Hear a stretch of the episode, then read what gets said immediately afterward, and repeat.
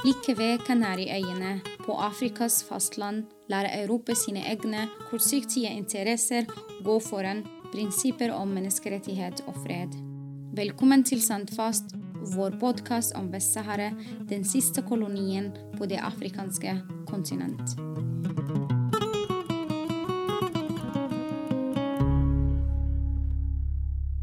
Hun var bare ti år da faren ble dømt til 15 år i fengsel. Og hennes yngste søster var bare ni måneder gammel. I dag er Fatu 23 år. Helt siden hun var barn, har hun tatt på seg kampen for farens frihet. Den saharawiske politiske fangen Yahya Mahfoud Eze sitter fortsatt bak murene.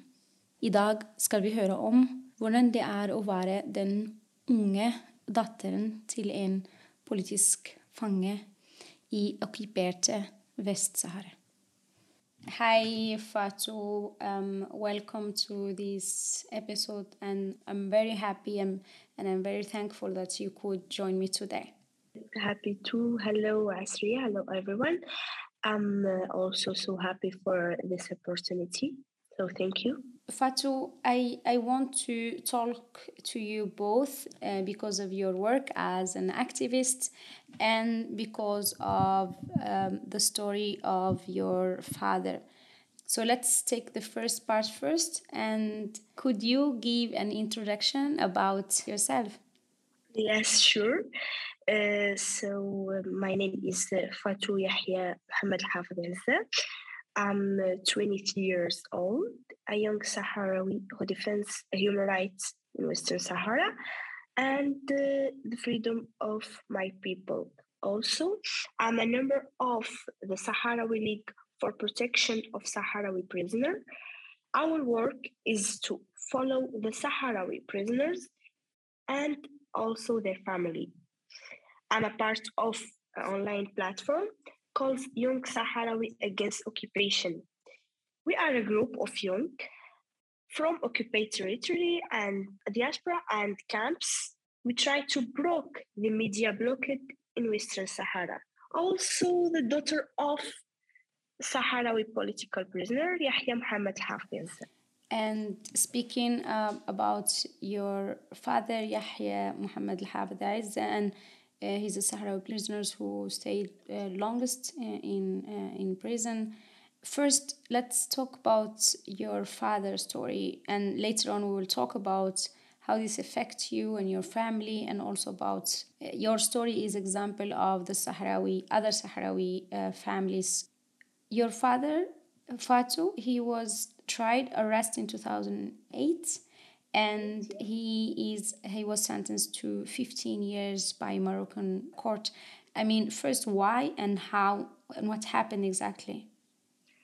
Uh, so I sure like uh, all the prisoner because of his opinions and uh, because uh, he was the one of uh, activists in Western Sahara, a defender of human rights in occupied territory of Western Sahara. Also, he was a member of uh, CODESA.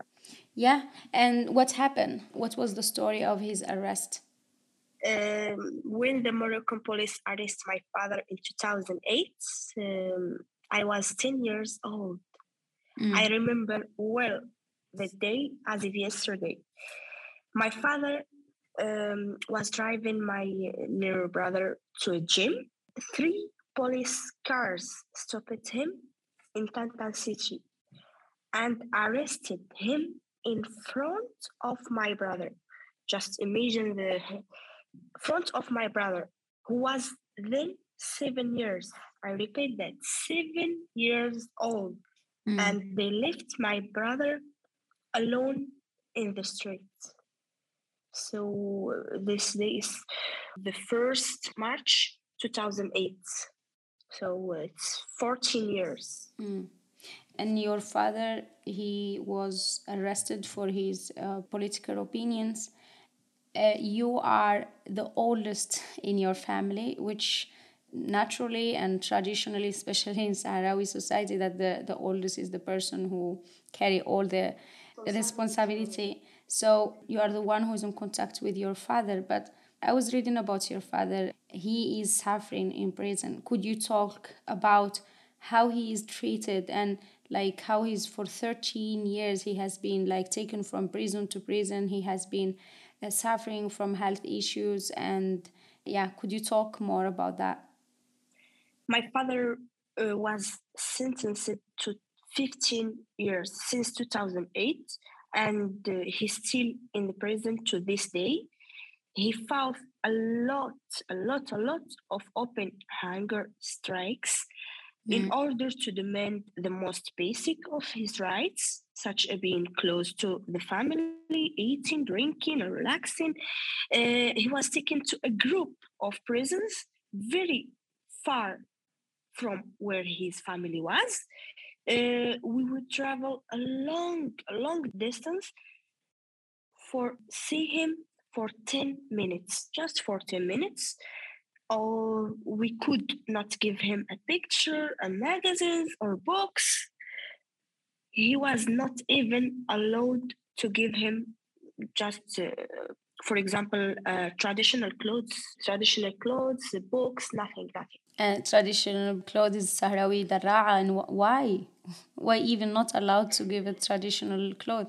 this is a type of punishment, you know, to exalt him even more uh, to outside and uh, like this he can remember their family, their traditional things, but uh, mm. it's not working. Yeah, and uh, Fatu in in prison, uh, your dad he has uh, health problems. Does he get any medical attention or any medical treatment? Yes, but imagine with me my sister Asriya mm-hmm. that my father suffers from a group of diseases such as asthma, rheumatism, uh, kidney, and uh, prostate, and they prove him from his right to treatment and medication. Like example, my father has he can't see very good. He wear the glasses. Two years ago, he was assaulted and his glasses broke. Mm. For two years, he demanded to see an eye doctor in order to get a new glasses. But uh, the prison administration refused to do so anytime they refuse. So that, this is just one of a lot, a lot of examples. Mm. I mean, I I I watched an an interview with you, Fatu, and it was about that your father was all the time taken to a new prison. You know, it's like thousands of kilometers from your family, and you said in Arabic, it said it was psychological torture for him, but also for you as uh, as his family. I'm a young. My mother can travel, but imagine his father his mother. So this is a type of punishment. This is something very, very bad of, of the prisoner, you know? He mm. can't see his father, his mother, nothing. So uh, this is very difficult to be in in the far far prison. Which is just for the people listening, which is also the the situation of all Sahrawi prisoners where Morocco will transfer them to prison that's far, far away from their families. Okay, Fatu, I'm just showing you this picture, and um, I remember when I took contact with you years ago to learn more about the story of your father. Could you explain to people listening who is in the picture and what is what is going on? Oh, this is a nice picture. I I want to say something. This is the only picture who uh, I was in this age with my father. So uh, this is a special picture for me. I love this picture very much. So um, this is me uh, and my father mm. and the team of football. Mm. Uh, he took me with him to watch football and also we, we take this picture for uh, use it as souvenir you know he was playing football and they took this picture as a souvenir here fatu the people you are listening you see actually fatu a young uh, girl She seems very happy and cheerful. It seems that she is the biggest fan of her father, who unfortunately has been for prison for, for many, many, many years. And uh, all of a sudden, it's it's uh, in a way taken away from you. So, Fatu, it's I want to go to this question, and uh, you were only nine, and your brother was also very, very young, and this must have a huge effect on your life and on growing up as a child and your brothers. How did this affect you? My brother and I live a through hardships since the arrest of my father, and we are surrounded by the Moroccan police who sometimes follow us and watch us until we reach school. And this caused a great embarrassment in front of our friends, you know, uh, who always ask me and my brother, why the police car in in front you, in front of your house, and mm. also uh, sometimes they are afraid of us. Today, as Asriya, I'm talking to you, and uh, I'm at 23 years old. I was deprived of my father for 14 years. My brothers and I were deprived of his tenderness and mm-hmm. kindness to us. Mm. We were deprived of being like all the children of man, of world, uh, living in a family consisting of two parents. Uh, how can I say that they took my father of us? They stole our childhood of us.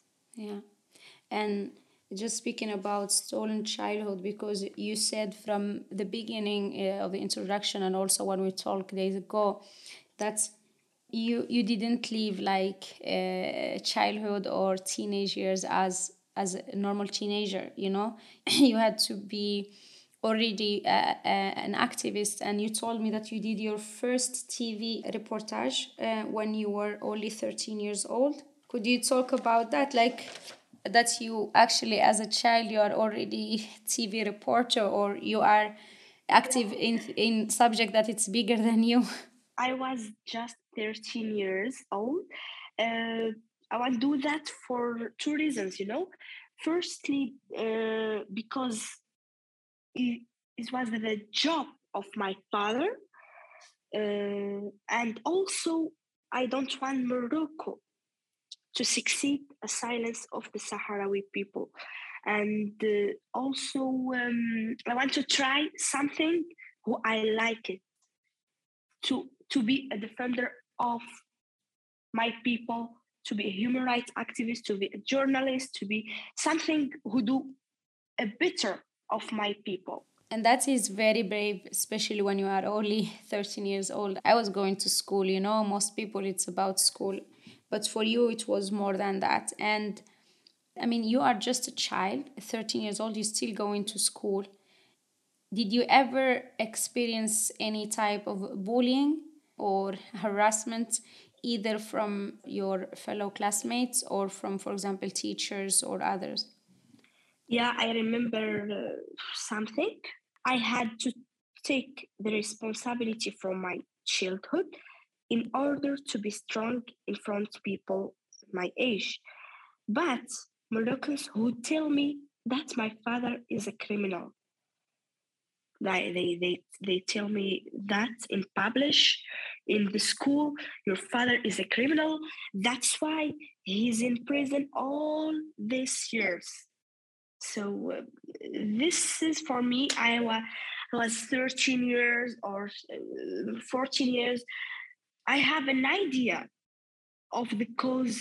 I have an idea that my father is not a criminal. But imagine if my brother or my little sister heard something like that.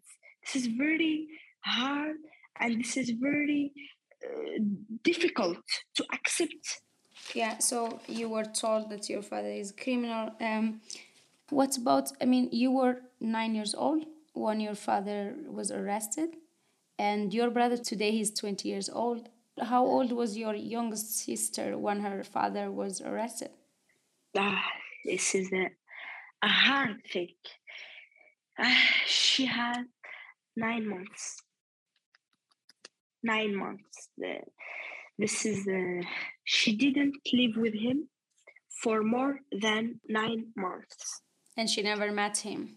Never. Yeah.